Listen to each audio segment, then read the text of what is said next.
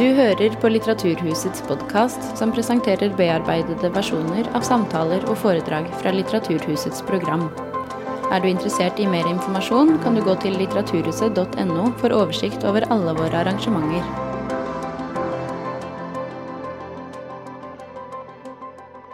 Kjære alle sammen. Velkommen til Litteraturhuset og til denne samtalen med Maren Uthaug og Wenche Myhleisen. Mitt navn er Madeleine Gjeddemetz, og jeg jobber med det litterære programmet her på huset. Hvordan ville et samfunn sett ut uten menns påvirkning? Det er grunnlaget for Maren Uthaugs roman 11% som nå foreligger på norsk i Ingvild Holviks oversettelse. Her er Danmark omgjort til et futuristisk matriarkat, hvor menn nesten er utryddet fra samfunnet, unntatt de 11% som trengs for å reprodusere menneskeheten uten innavl. Romanen er fabulerende, morsom og underholdende, men har også et stort alvor ved seg.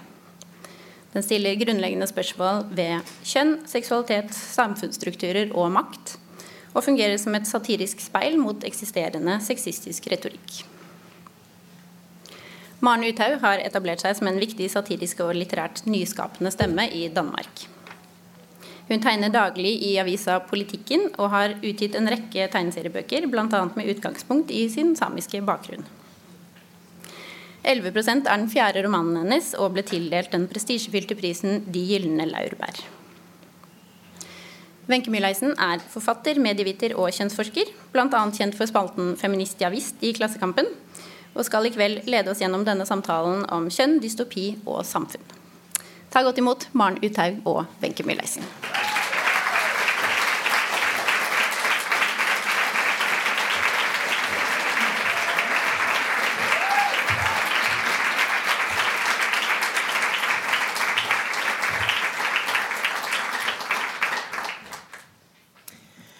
En skabelsesberetning fortæller, at Lilith var Adams første kone.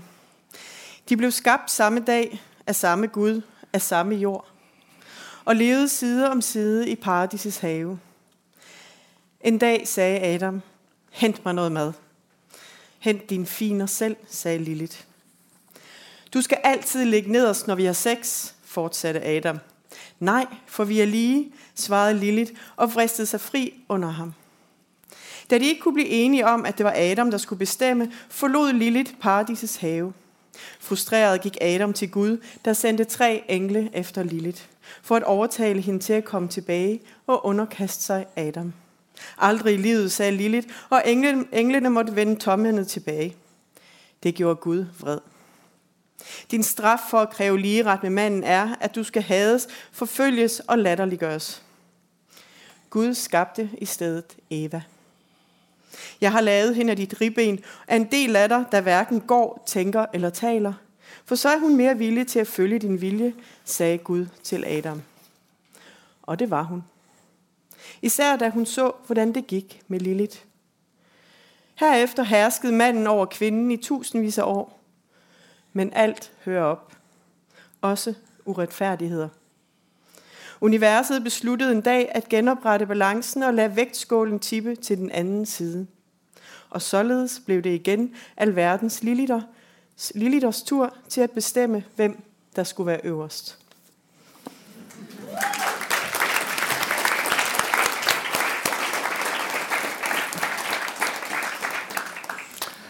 Ja, eh, dette er en pangstart og eh, en uh, skapelsesberetning, intet mindre, som starter denne romanen. Ja. Um, og jeg har gledet meg veldig til å snakke med deg, Maren. uh, og Maren snakker norsk, for hun har jo da både samisk, norsk og dansk Prøver i hvert fall. Identitet. Uh, så dette skal gå bra. Uh, du har nå lest innledningen på romanen din 11 Jeg vil gjerne lese et sitat som jeg tror er helt sentralt, som setter noe av premissene. Og det er sitat du vet vel at 96% av alle mord ble begått av menn da de gikk fritt. Du skal huske at det ikke er menneskeheten som art som er morderisk. Det er menn. Eh, er det sant? Ja, det er jo sant. Ja? Stati- Statistikkene viser at det er menn som begår mord. Det er noen 96-98 prosent av alle mord som blir begått av menn. Og eh, det er jo menn som sitter i fengslene, det er jo ikke kvinner. Det er menn som voldtar. Så det er jo menn som er kriminelle, egentlig. Vi kommer til skade for å være det iblant, men i veldig lite prosent. Og bare når vi må. Det der må vi diskutere litt videre etter hvert. Men eh, eh, det, det, dette premisset eh, danner jo grunnlaget for at eh, en, en, en, en fantastisk utvikling Eller fantastisk, det kommer an på fra hvems perspektiv. Men det har skjedd i boken kalles det for en evolusjon. Men med nokså revolusjonære konsekvenser, vil jeg si. Nemlig at kort sagt kvinner har tatt makten. ikke sant? eh, eh, og avløst mange tusen år med mannsdominans, patriarkat osv. Og tittelen er 11% Kan du forklare denne tittelen? Hva betyr disse 11 prosentene? Det betyr at det nå bare er 11 eh, menn tilbake i samfunnet. Og de mennene som er tilbake, dem har vi på sånn sentre til eh, fri avbenyttelse for kvinner. Hvis du vil ha barn, eller hvis du vil ha sex. Og de da trener til forskjellige slags eh, seksuelle ytelser. Eh, Sånn at eh, menn er altså eh, innesperret. Bruksgjenstander for kvinner, ja. De er innesperret i et slags reservat. Ja, de har vært, døren har vært låst i mange mange hundre år. Og de har ingen aning om det finnes noe på den andre siden. Og det handler veldig lite om de her mennene. si. Det er menn, Når de intervjuer meg, vil veldig gjerne snakke om mennene. Og det, er sånn, det handler jo ikke om mennene. De, de, de er jo bare der for oss eh, i boken. Ja, men jeg vil nå likevel, eh, jeg vil nå likevel fortelle at eh, mennene er altså innesperret, medisinert. Og de tjener kun til lyst og reproduksjon. Men hvordan kom du fram til altså det, eh, eh, 11 er altså det antallet, eller det prosenten menn som skal til for å opprettholde reproduksjonen, altså eh, at menneskearten holder seg ved like, og at det ikke er en stor grad av innavl. Hvordan kom du frem til disse 11 prosentene? Altså, vil du ha jeg skal, sånn naturfaglig bakgrunn? Nei, nei, det er bare veldig pent tall. Nei, hva sa du? Hva sa du? det, er, det, det jeg hater å få det spørsmålet, for jeg skulle jo bare bestemme meg for et tall. Og jeg tenkte 11 ville være et veldig fint tall på forsiden. Så hvis dere gjerne vil eh, forsøke dere med det her, så er det bare et tall jeg har funnet på. Vi må, kanskje, kanskje kan vi klare oss med mye mindre men Ja, ok.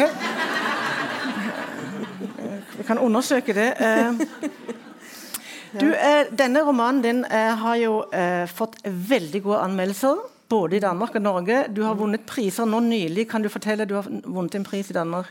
Som heter De gylne laurbær. Som, det, ja, det er vel det er den største prisen du får i Danmark. En, en gang i året er det en som får den. Og den har jeg fått nå. Og det har, så må du ja.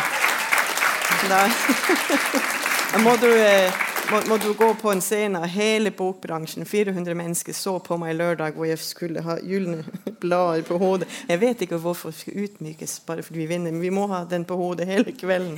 Så det hadde jeg. Så denne feministiske eh, fremtidsvisjonen eh, Utopi? Dystopi? Satire? Hvordan vil du Jeg synes det er ganske spennende, fordi hvordan vil du beskrive sjangeren? Altså, jeg pleier faktisk bare å kalle det et eventyr.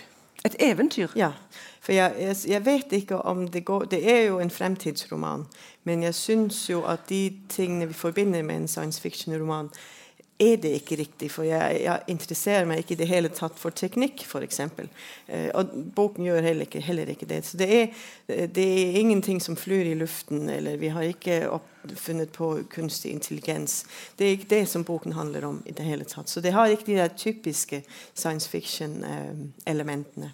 eh, i seg. Eh, eh, på den annen side så kan du si det er jo en slags ja, jeg vet ikke om vi skal kalle det for en regresjon eller nedbrytning altså av eh, patriarkatets teknologi og oppfinnelser, i den forstand at du har et univers hvor alle husene er runde og ovale. Alt er harmonisk. Men jeg sier faktisk ikke at det ikke er teknikk. Nei. Jeg snakker bare ikke om det. Medisinen er jo meget utviklet, får vi inntrykk av. Ja, ja, det er veldig mye Ja. medisin. Og, og det er veldig store slumområder, men, men det er de gamle patriarkalske Ja. bydelene. Hele Oslo her vil være en slum. Fordi det, det er firkant, veiene eh, fir, Husene er firkantene, veiene går rett frem. Og i de nye områdene, de mer grønne områdene, er alt noe ovalt og rundt og dufter godt. Og blomster og musikk. eh, Alt er bløtt og fint. og eh, Og så har vi noen mystiske mystiske rottepiker som har en veldig spesiell oppgave. Ja, det er fordi at det er grunnen til at, man, at det er slum fortsatt. Man kunne jo bare bryte ned eh, gamle hus, alt de gamle firkantede, stygge husene eh, med, de, med den dårlige energien i, i veggene og sånn. Men eh, det vil være veldig eh, maskulint å gjøre det, å bare bryte ned og bygge nytt på. Så man venter på at jorden har oppslukt alt det gamle og det dårlige. Eh, og når den da har gjort det, da kan man bygge nytt på. Så du får ikke lov å hjelpe eh, naturen. Men da er det jo da noen som får naturen til å hjelpe naturen, så de setter ut rotter som gnager i fundamenter, og setter ut sånn japansk bambus som jeg har i hagen min. Går gjennom alt, kommer ikke bort med det. Eh, skal, de røttene kan gå gjennom alt. Så de bruker naturen til å hjelpe naturen på vei. Ja, ja, så, der, så der er det rottepiker, rottejenter på 100 år. Man blir veldig gammel i fremtiden. Så det er 100-årige gamle rottejenter som går og setter rotter ut. Det er ikke helt tillatt, men heller ikke helt forbudt. Det er veldig mange ting som ikke er helt tillatt, men Ja, heller det, ikke helt forbudt. det er et viktig poeng. ikke sant? det er veldig Eh, kvinnelig, tenker jeg. Altså, så Rottene gnager i stykker patriarkatets grunnmurer. og disse runde formene kan jo minne litt sånn om antroposofiens Antroposofien har jo sånne eh, en estetikk man skal bare male i pastell og ikke konturer, og husene er runde fordi det tilsvarer mer den menneskelige biologi og tenkemåte og sånn. Den sterkeste konstruksjonen er egget. Hvis du tar en, en, en skjede og henger ned, så den, den buen er den sterkeste konstruksjonen Ja. som finnes. Så takene er ikke spiss mer, de er runde. For. Men du, det er jo nesten en sånn økofeministisk uh, science fiction. Ja, jeg har, jeg har prøvd å ta det de, Noen er litt klisjéfullt, og, og ting skal være runde og ovale. er jo kanskje litt klisjéfullt kvinnelig. Men, og jeg har også- prøvd å forestille meg hvis kvinner skulle lage Det er jo noen som faller ved siden av samfunnet, og vi er nødt til å straffe, men vi straffer ikke mer. Vi har ikke bruk for fengsler, for det er jo ingen menn. Så jeg tenkte hva kunne man bruke i stedet? Det verste jeg, kun, jeg vet og kan forestille meg, jeg har prøvd det, er sånne silent retreats. Så hvis du gjør noe som ikke er bra for fellesskapet det er sånn, yte, Vi skal alle gi litt til fellesskapet. Eh, og hvis du ikke gjør det på den riktige måten, da kommer du på sånn meditasjons-silent retreat camp. I, I en slags drivhus hvor du også må plante planter for ting til å gro opp. Og så får du ikke lov å si noe. Bare snakke med eh, coachen din. Og så skal du merke og føle deg selv. ikke si noe til du er klar til å komme ut i samfunnet igjen. Bare se inn. Det er verste jeg kan forestille meg. Det vil være straff. Avansert form for tortur, med andre ord. Eh, Du, Den norske kritikeren Andreas Wiese hadde en ro, veldig rosende anmeldelse i uh, Dagbladet.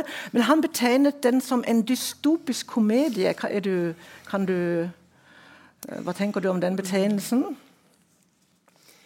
Ja, jeg vet ikke om jeg vil si det, at det hvis jeg skulle ha sett Ja. ord på Men jeg skjønner hvorfor han sier det. Det er jo en dystopi, for det er jo ikke um, det perfekte samfunnet jeg har laget.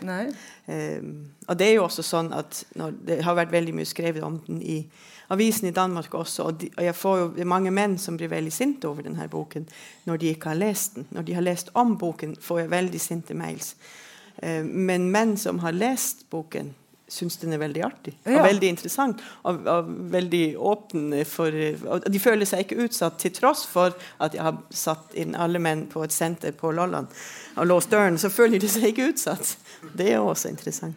Og, og det er jo faktisk en fraksjon kvinner i dette idealsamfunnet som uh, ukentlig demonstrerer for Ja. at mennene skal få bedre betingelser. Ja, og det er, det er hekser. Det er en flokk hekser som gjør det. Og det er faktisk fordi heksereligionen er den eneste religionen jeg har kunnet finne som vekter feminin og maskulin energi og feminin og maskuline guder like høyt. De har like mye verdi. Alle andre religioner er det en mann og to the hell with the rest.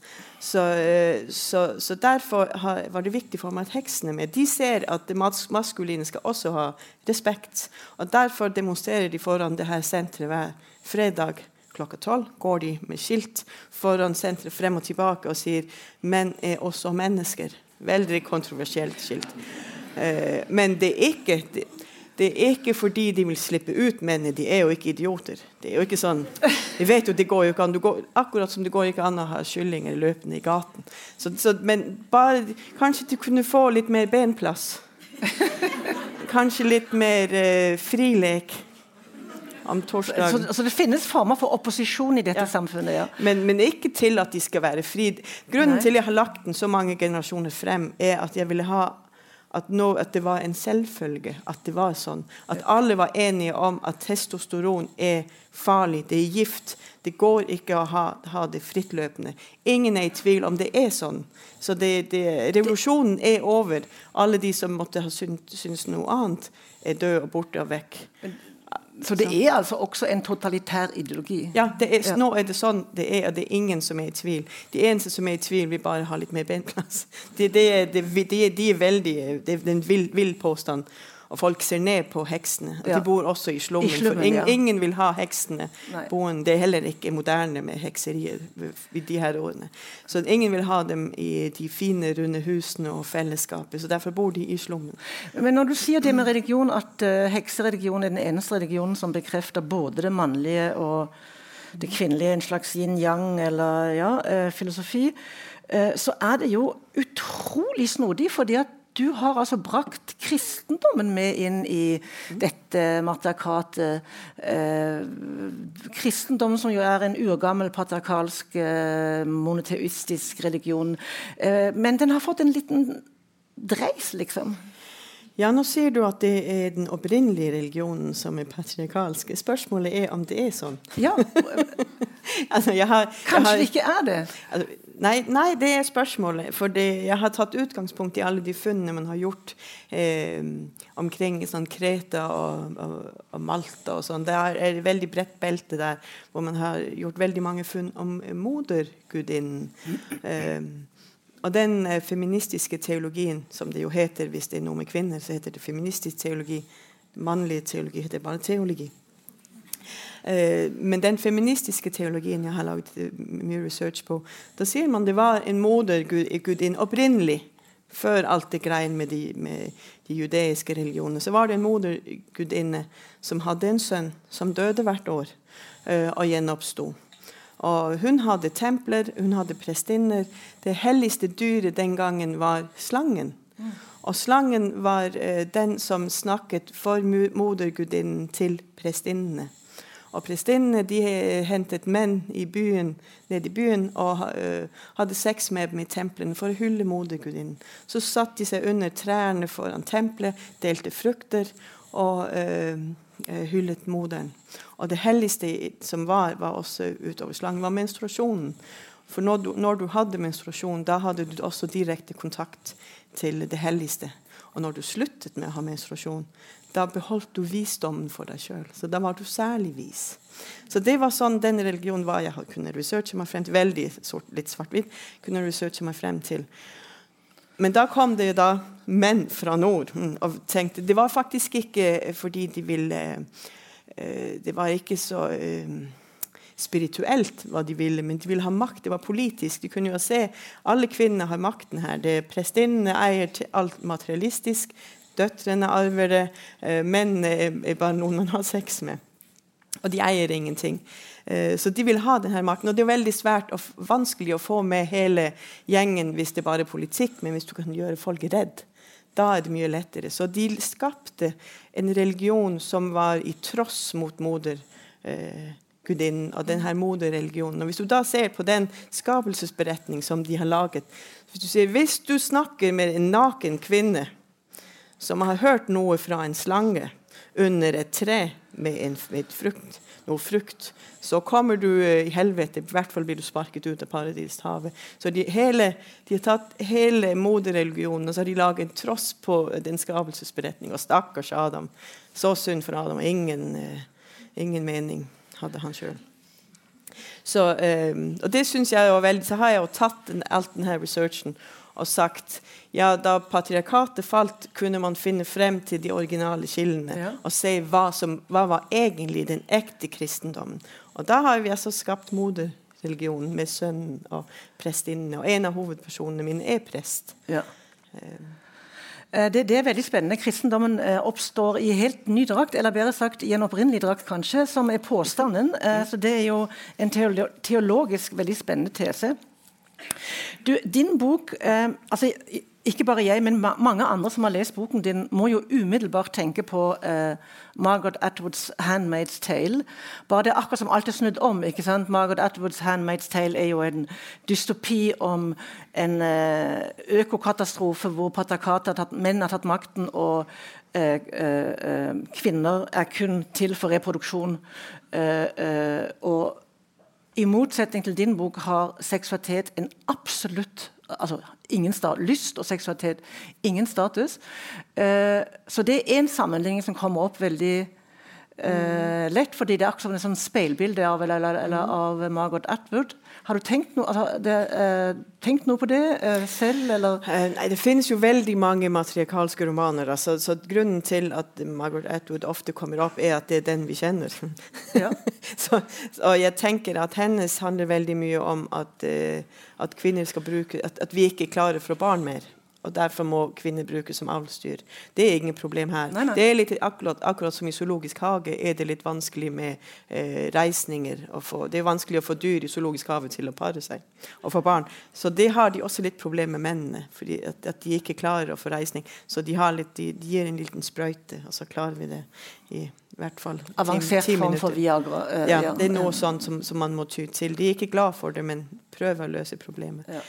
Um, men, men, jeg tenker misjonen min er en annen. Det er noe frisettende for, for uh, kvinner jeg er også interessert i. Det er veldig mye seksualitet i boken. Kvinnelig seksualitet jeg har prøvd å leke med. Jeg har prøvd å leke med språket. Eh, hvor ligger eh, bare i språket vårt, hvor ligger den patriarkalske strukturen der? Det er i hvert fall sånn På dansk leste jeg for nylig at det fins 185, nei 87 ord, 187 ord som slutter på mann, og 14 som slutter på kvinne.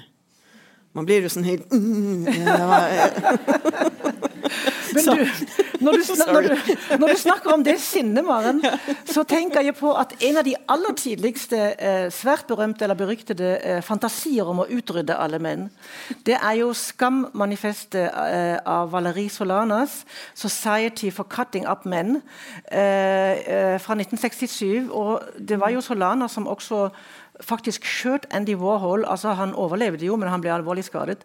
Så hadde du det i tankene? Eller, men for, for, det er jo en sånn eh, rasende forløper, ja. må man si. Ja. Men det finnes jo mange av dem. Ja. og Den første ble vel skrevet i 18 ingenting. Du er 1890-tallet. Så det har jo stått på lenge, det her.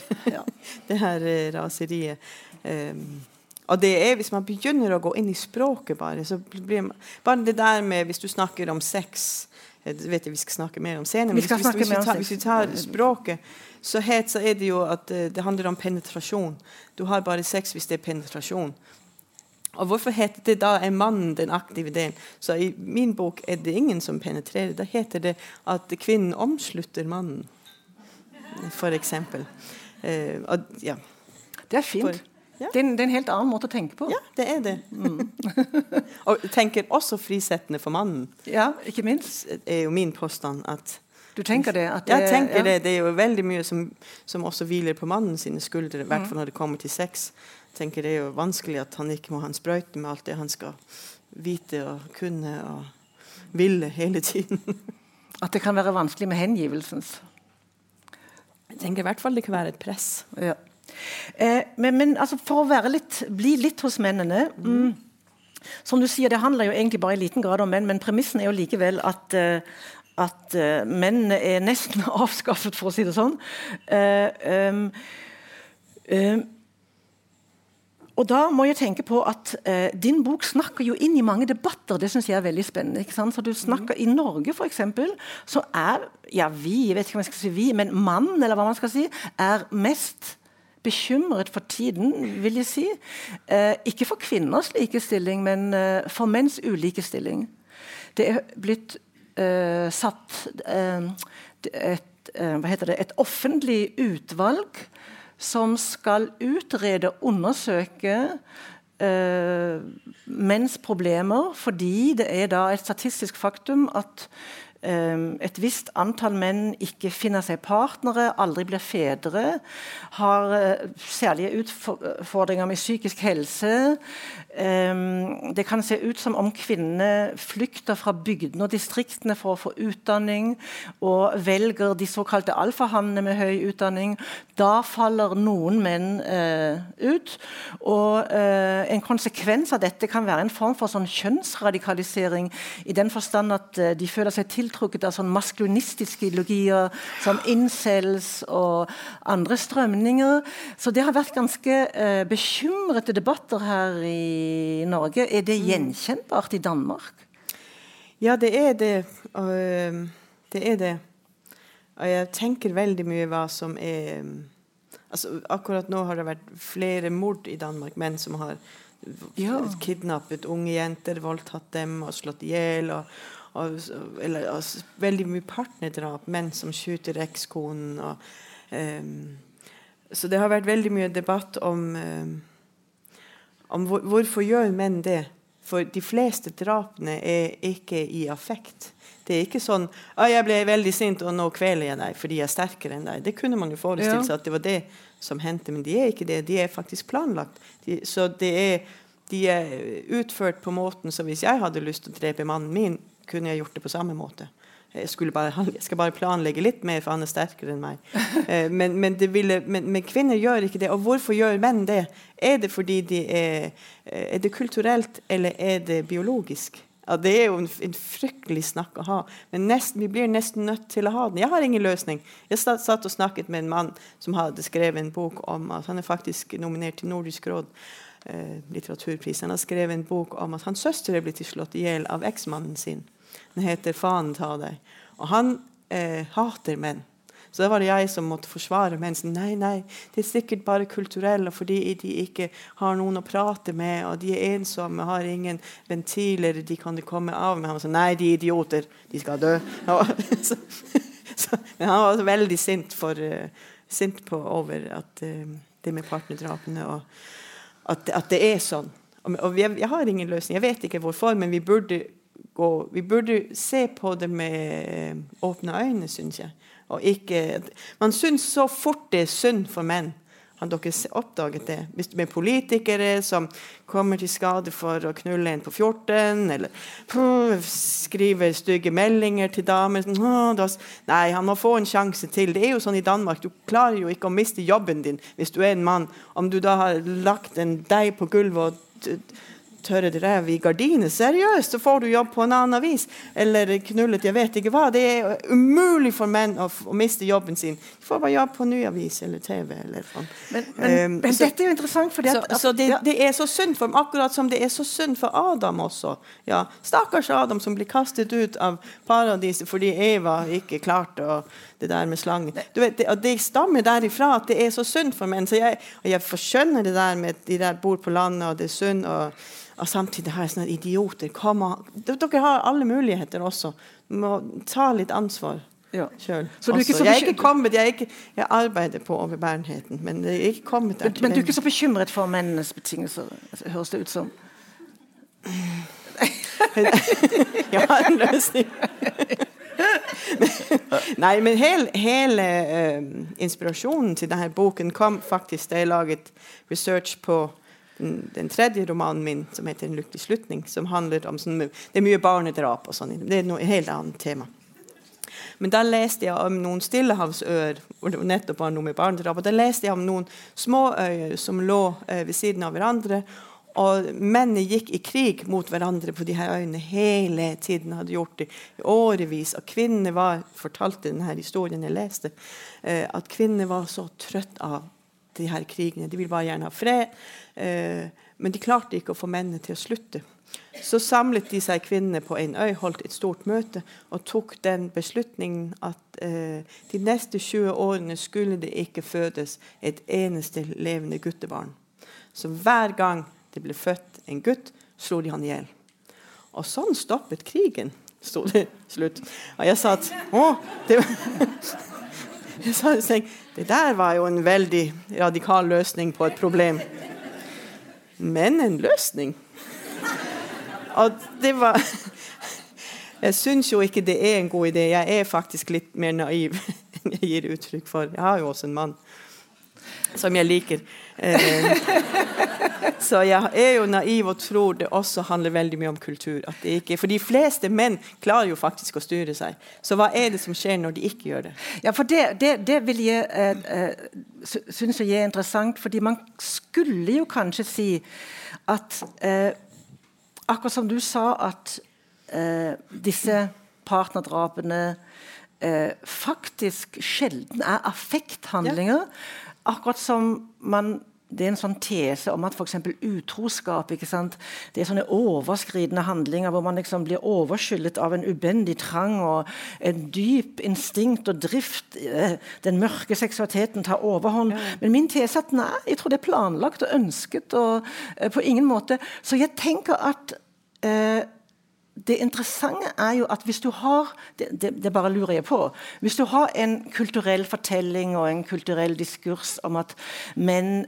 menn eh, hvor, hvor, det å være sint og være overskridende og være veldig selvhevdende og ha lite impulskontroll osv. er et slags bilde på maskuliniteten mm. som har en viss legitimitet, mm. som kanskje til og med blir beundret. Sånn at da er det lettere å leve inn i det rommet enn hvis du har en diskurs som kvinner er fredelige og snille og hemmet og uh, tar ansvar og skal ikke være slemme, liksom. Nei, men også det at hvis du utmyker en kvinne, så er det bare sånn det er. Vi er litt vant til det. Og, ja, vi klarer det, vi fortsetter, vi ser den andre veien. Men, men men får ikke hvis du utmyker en mann, så har du ødelagt noe i sjelen hans. Det, det, det, det er noe der sånn toxic masculinity som, som, derfor jeg tenker det mye er av det også kulturelt. Og Hvis du da ikke har noen å prate med, eller noen andre ventiler, eller du kan gå til en rockkonsert eller jeg vet ikke, fotball, fotballkamper Jeg vet ikke hva de gjør. Men noe sånt, noen ventiler hvor du får ut den her sinnen, eller noen som sier til deg kanskje du ikke behøver slå i hjel konen din.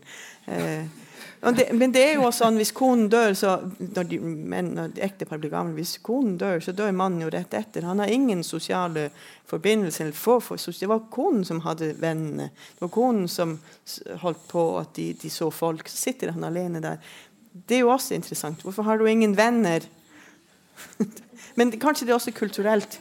Det, jeg vet ikke om det er biologisk eller det er kulturelt. men, men menn, må, menn skal jo være sånn Eh, de skal være så sterke. De skal vite ting. De skal kunne forklare kvinner ting som de jo ikke skjønner. Sånn. de skal, Mansplaining. ja, det er veldig mye sånn Det må være et veldig stort press, tenker jeg.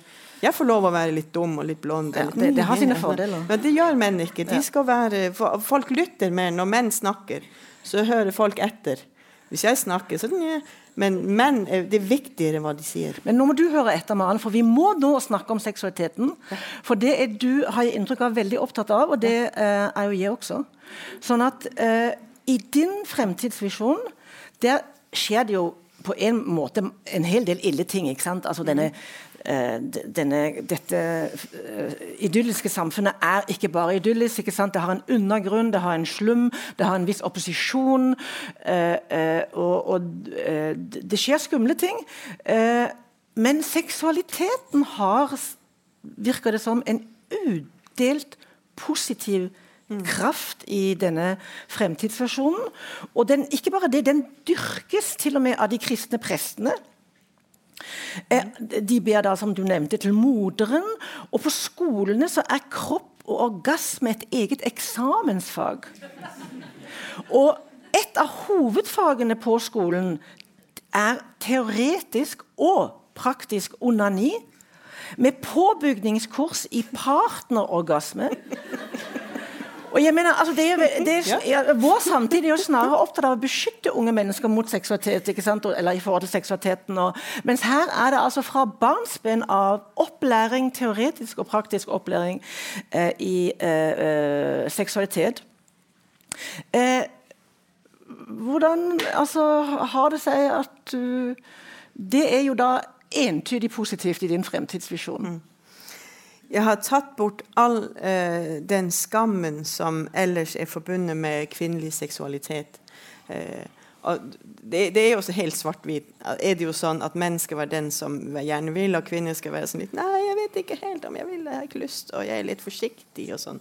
Og hvis du er litt seksuell aggressiv som kvinne, så er, så er, så er, det, så er du billig. Og du kan, bare det der med at du kan sånn slutshame kvinner, men ikke menn. Så, så, det er veldig mye skam og veldig mye undertrykkelse i det seksuelle som det er i dag. Uh, og jeg, Grunnen til at jeg er så opptatt av det, og det også er så viktig i boken, er at jeg er helt sikker på at vi får ikke likestilling før vi har seksuell likestilling. Før kvinner og menn har, har lov til å være like usikre og like, har like mye lyst og like mye ikke-lyst. Uh, begge kjønnene. Og her i boken så, så uh, har jeg bare brukt det som en eh, noe som er akkurat som du børster tenner, må du ha en orgasme. Eh, og jeg har researchet veldig mye på onani-orgasmer. Jeg kom til et punkt hvor jeg tenkte nå vet jeg noe om onani. Jeg vil ikke vite mer om onani nå. Alltid vil jeg lese mer om det. Også fordi det som er interessant med kvinnelig seksualitet, det er at det faktisk finnes veldig lite research på området i forhold til mannlig seksualitet. Jo, vi vet jo ikke helt hva Når kvinner de, de får sprøyteorgasme, så er man jo fortsatt sånn Hæ? Hvor kom det fra? Hun tisset. Tisset hun? Hun tror hun tisset. Nei, vi har det så, så, bare det er, og, og, og, og, også den researchen som jeg kunne, all forskning som er gjort, er de ikke enig i det hele tatt. Eh, det er dem som sier at eh, det eneste som er viktig, er klitoris. Hvis du skal ha orgasme skal du bare som kvinne, er det bare klitoris som er viktig. Og andre sier du må ha hele det vagina-området med, ellers er det bare som en liten nys. Så, så, og da har de vært veldig, kvinnelige forskere vært veldig grundige med punkter i, inni. og det er en helt kort man fare vil. Eh, vi var, var, litt forvirret en overgang. Eh, men, men eh, men, men, de er ikke enige i hvordan, hvilke slags orgasme det er best, og hvilke slags orgasme kvinner kan få. Og, ja, det en, uh... Men dette er jo altså, noen alvorlige misforståelser ute og går her. fordi at denne eh, Og det er jo morsomt, for eh, i din bok så har du jo du har altså en slags eh, eh fraksjoner som nesten er som ja. politiske skillelinjer mellom onanister så, og vaginister, som jeg antar er da nettopp denne forskjellen mellom klitorisorgasme og vaginalorgasme. Og også det med om du har bruk for en partner eller. Og penister. Ja, nei, det eneste de er enige om, at, at penis ikke er viktig for orgasme for kvinner. i det hele tatt. Men du har penister? Ja, altså. men det er bare, det vet man. at Det er bare de som kommer fra sentrene. Litt reklame fra ja, okay. de der sentrene med mennene. Det kommer penistene og tror at Det er veldig upopulært å være penist, men noen er det hvis de skal være litt provokerende. Men, men, men det som er med, med jeg, jeg tenkte jo ja, Kvinner er jo også mennesker, og derfor har vi jo fortsatt problemer i samfunnet. Og, og, man vil jo som menneske vil man gjerne gruppere seg. Man vil gjerne være i klubb med noen. Så tenkte jeg, Hvorfor ikke bruke det med orgasmene? Da, som, som det, det, det, jeg er vaginist, og jeg er onanist, og så kan man ikke helt bli enig. Eh, for onanistene vil bare klare det sjøl. De har ikke bruk for å besøke sentrene. Men eh, vaginistene de sier du er nødt til å ha en partner. For du klarer hvis det, Nå blir det litt teknisk. Kjæresten min sa på en, en, dag nå vil jeg ikke høre mer om onani og orgasmer. Kan vi bare ha sex? Veldig, veldig eh, teknisk. Men, men, eh, men hvis, du, hvis, du, onanerer, så ha, vil vil du, er du en del av prosessen hele tiden. Du er jo aktiv, altså du er bevisst. Så du kan ikke få den der eh, transe hvor du går inn i en annen verden og kommer tilbake igjen, som de sier at kvinner gjør. Eh, som når du, når du, mediterer, kan du bli sånn helt komme i transe. Og Det er akkurat det samme kvinner kan gjøre når de får orgasme. Men hvis du er en del av prosessen, klarer du ikke det. Derfor sier vaginistene du er nødt å ha en partner Aha. som gjør det for deg, sånn så, så, du kan, kan forsvinne. Og så, så, Da tenkte jeg faktisk kanskje de har rett. For akkurat som når du hører en vits Hvis du leser vitsen alene, sier du nei. Eh, eller skriver LOL og helt død i ansiktet. Men hvis, hvis venninnen min forteller meg vitsen, og den er veldig artig, så flirer, jeg meg, så flirer vi sammen. Da kan jeg flire veldig høyt, men jeg kan ikke flire alene. Så kanskje har de rett.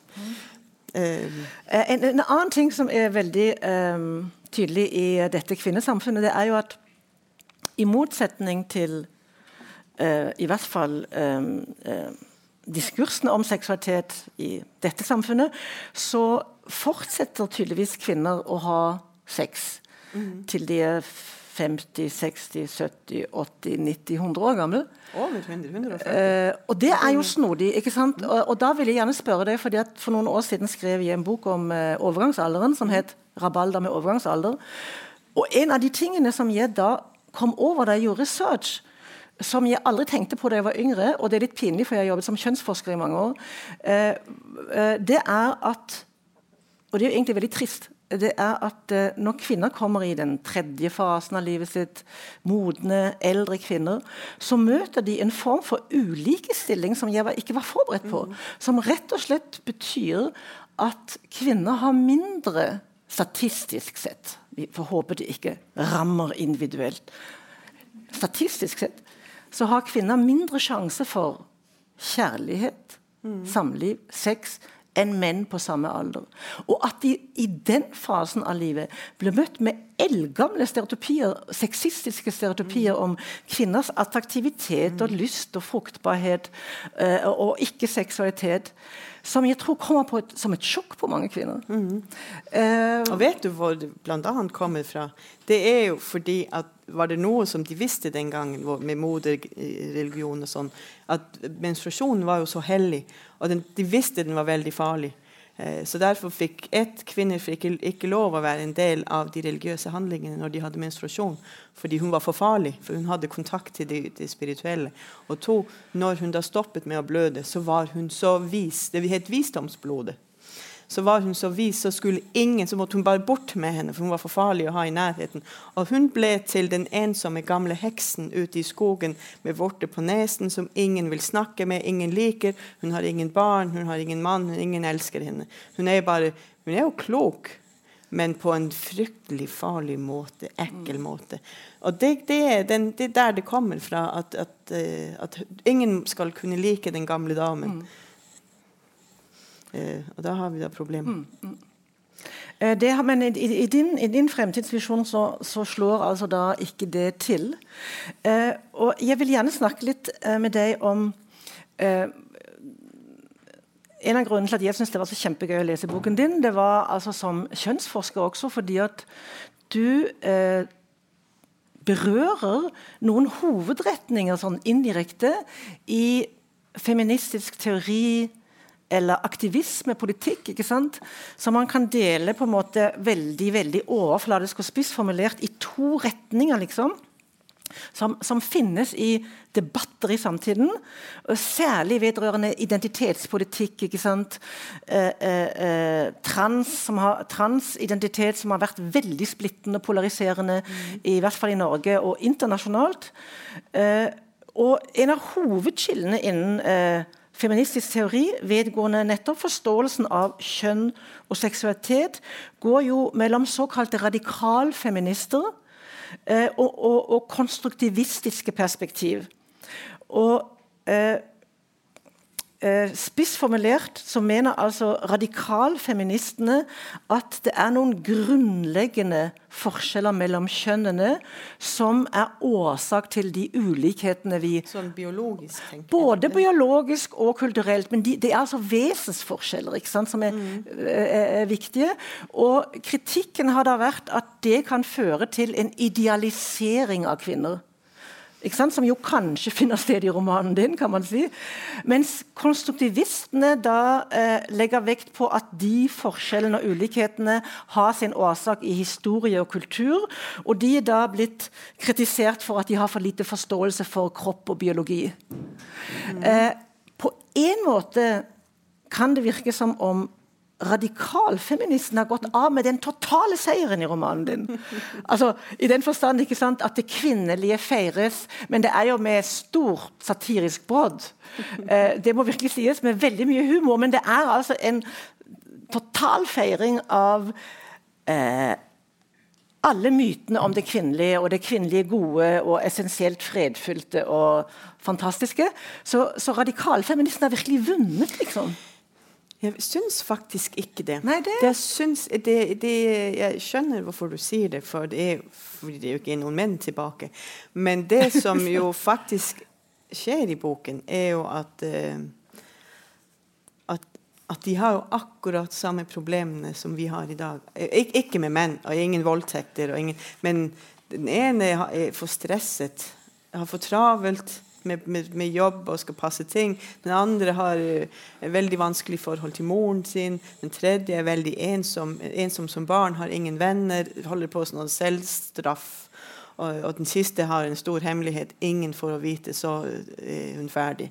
Så, så, så, så de har jo samme de, rundt, de problemene de har, kunne jeg faktisk tror jeg skrevet en bok om som foregår i dag her er det da en, helt merkelig setting. Eller scenen er veldig veldig annerledes. Men min påstand er jo litt Ja, menn er, er fryktelige mennesker. PS, det er kvinner også. Så, så det, det, for meg er det en bok om å være menneske. Men samtidig er det satt i en tid som får, satt, um, får pekt ut de patriarkalske strukturene vi faktisk har i dag, ved å, det, ved å vise en matriarkalsk versjon av det. Så, så, jeg er ikke helt enig i at Og jeg har, jeg har, ingen svar på om det er biologi eller om det er eh, kulturelt. Kanskje en blanding. Ring når du finner ut av det. Men du, du slår med andre ord to fluer i én smekk i denne romanen. Du, du gjør en satire over radikalfeministiske visjoner, kan man si. Samtidig som du eh, ja, nei, du kritiserer det på en måte. Samtidig som du eh, eh, feirer noe av det kvinnelige mm. som er for underkommunisert i mm. eh, historie, kultur osv. Mm. Ja. For det er også sant. At det, at det, er veldig mye undertrykkelse av det kvinnelige, av de kvinnelige verdiene. av det av, alt vi har om, du vet, Hvis man skal si at kvinner er mer omsorgsfulle enn menn er, så samtidig vet vi alle at de jobbene som kvinner da får, er lavere status. Så alt som har med kvinner å gjøre, er lavere status. Det er sånn i Danmark nå at det er flere det er blitt sånn at det er flere eh, kvinnelige dyrleger enn mannlige dyrleger. Og det som er hendt, er at det er blitt et lavstatusjobb. Mm. Og Før var det jo høy status da det var menn, og de fikk mye høyere lønn. Og nå er lønnen gått ned. Nei, hvor ligger høystatusjobbene? I finansverden, eller hvor ligger de? Ja, de ligger vel fortsatt der. Bestyrelser er det sånn 400% menn som tror vi har like, ikke syns vi har problemer med likestilling. Eh, så ja, de, de, ligger vel der fortsatt. Um, din bok handler jo på en måte også om frigjøring. Mm. Og frigjøring er jo noe fryktelig komplisert og vanskelig. Er det én radikal handling som å avskaffe eh, mannsdominansen og patriarkatet? Er det, eller er det snarere noe helt annet? Er det en pågående prosess som aldri slutter? Eller, eller hvis jeg kan spørre deg noe så veldig vanskelig, men liksom, hvordan tenker du om frigjøring? For jeg syns boken din handler om frigjøring. Mm. Ja, det er jo et veldig stort spørsmål. Jeg tenker Det er jo veldig individuelt hva som er fri, frihet. Ja. Um, og da tenker jeg at det er også et bilde på at de heller ikke klarer det her. For det er jo også undertrykkelse. De ser jo ned på dem som bor i slummen. Du får lov å bo der. Ingen regler. Vi liker deg bare ikke. Så da er det jo en regulering. Og de er fattige? Ja, de er, de er fattigere, men det, det er fordi de, de, de, reparerer jo ikke på strømmen på, så, så, du skal bytte deg litt til vann. Så er, de blir fattigere der og litt mer gammeldags. men det, det, det teknikken og mat og som finnes, men de har litt vanskeligere å få tak i det. For de har ikke hele systemet rundt om. Så det er vanskeligere å komme fra, eh, fra slummen inn, innenfra byen og ut. Eh, De virker liksom underprivilegerte. De er både på en måte opposisjonelle, du har altså som heksene, du har de prostituerte. Altså kv kvinner som har på, påsydde peniser. Eh, Den så- som har den største, mest populær. Vi er ikke kommet lenger enn Nei. det. For sånn er det. eh, så det er et hierarki. Altså veldig trist, men ja, så på mange måter er det jo veldig eh, er, er, er det jo kan man si veldig primitive også. Du vet At det ikke kommet lenger enn han med den. og de, de kaller, Mannedamene kaller de han. Det er kvinner som uh, uh, har silikonepeniser, som bor i en gate. Eh, en av den, han som vi også møter i boken, som vi kaller Lars, eh, har en sidegeskjeft med han ammer barn. Så han har også veldig store bryster, og så ammer han barn i pausene eh, for andre mennesker. Og så må han få sydd på nytt på denne penisen. Ja, huden sprekker. Ja, så, eh, men så det er akkurat som et, et slags speilbilde egentlig av vårt samfunn også. Altså, det er som enhver science fiction og fremtidsroman. Eh, eh, du jeg vil veldig gjerne at du leser et stykke til for oss. Ja. Ja, da vil jeg lese et stykke eh, Jeg vil ta dere med til det her avlsenteret. Ja. Og det er en eh, ung jente eh, som er Hun holder på å bli utdannet til prest, men er, er faktisk mer, veldig dårlig til det med slangene. Og, og, ek, ek, en veldig dårlig prest er hun, men hun er veldig glad i sex. Hun, eh, for å komme på det her senteret må du først bestå eh, eksamen i Ja. kropp. Du må, du må ha en forståelse av hvordan kroppen din virker før det gir en mening å være sammen med en mann. Og hun eh, har bestått eh, som den beste i klassen i kropp og onani og orgasme. Også partnerorgasme. Eh, og nå har hun fått lov å komme ned til det her senteret eh, for første gang og er veldig nervøs. Eh, så det vil jeg lese. Det blir på dansk, for det står på dansk. Først skal vi ha valgt en mand til deg, sa Diana, da Vika stod svøpt i kashmir med det sorte hår i bølger ned av ryggen. Begynderpakken her på avlscenteret består av ti gange, og jeg foreslår, du vælger forskjellig hver gang du kommer. Så får du en fornemmelse av hvad vi kan tilbyde dig. En ting er selvfølgelig at se på mændene, men du skal også lugte til dem. Hvilket er vigtigere, hvis du en dag beslutter dig for at få et barn, men det er en god idé at træne din næse. Den ved bedre end øjet. Med alle vores målinger kan vi ikke vælge et lige så godt match til dig, som din lugtesans kan. Den ved, hvem der komplementerer dit immunforsvar bedst, så du får det stærkeste afkom. Ofte viser det, sig at være dem, der også giver dig de bedste orgasmer. Du vil sannsynligvis bli draget mot en av de yngre mænd. Og det er noe du skal lege med senere, men jeg vil anbefale, at du begynner med en litt ældre model. En av dem, der ikke ser ut til å ha mange ture tilbake i managen.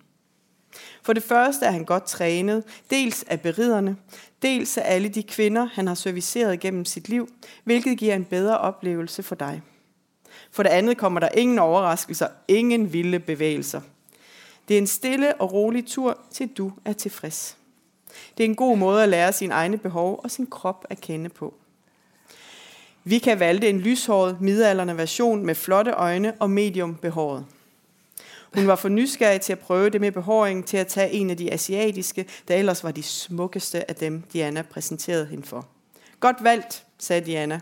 Han er en kris. Dem går man aldri galt i byen med. En Chris er en pålidelig all-round type. Vika blev vist ind, vist ind i Spaniens elskovsafdeling.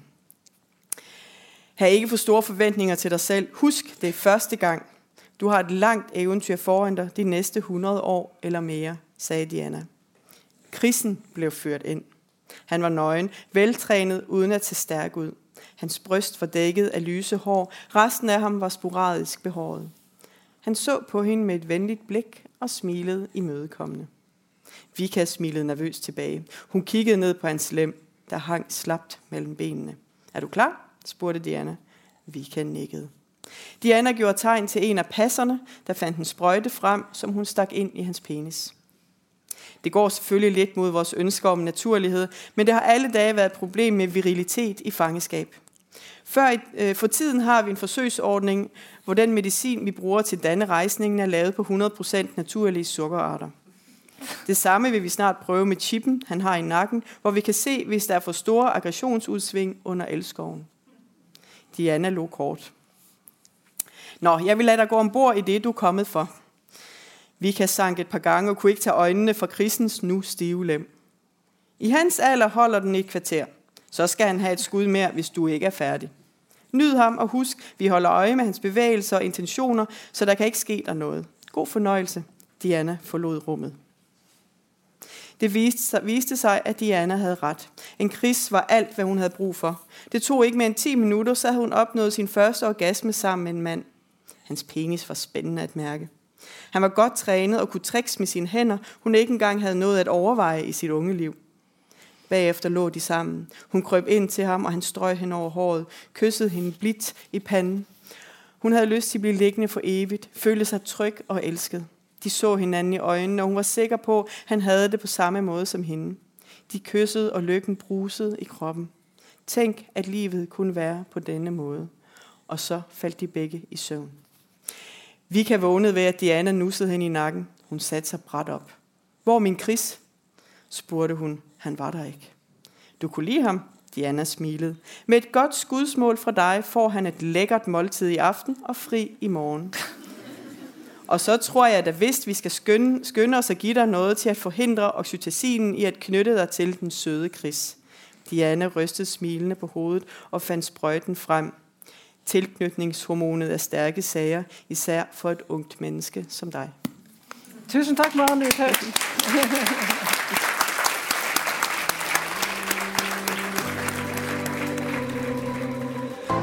Du har hørt på Litteraturhusets podkast, som presenterer bearbeidede versjoner av samtaler og foredrag fra Litteraturhusets program. Del gjerne podkasten med familie og venner via iTunes eller Soundcloud om du liker det du har hørt. Følg oss også på Facebook og på litteraturhuset.no for informasjon om flere aktuelle arrangementer. Musikken er laget av Apotek.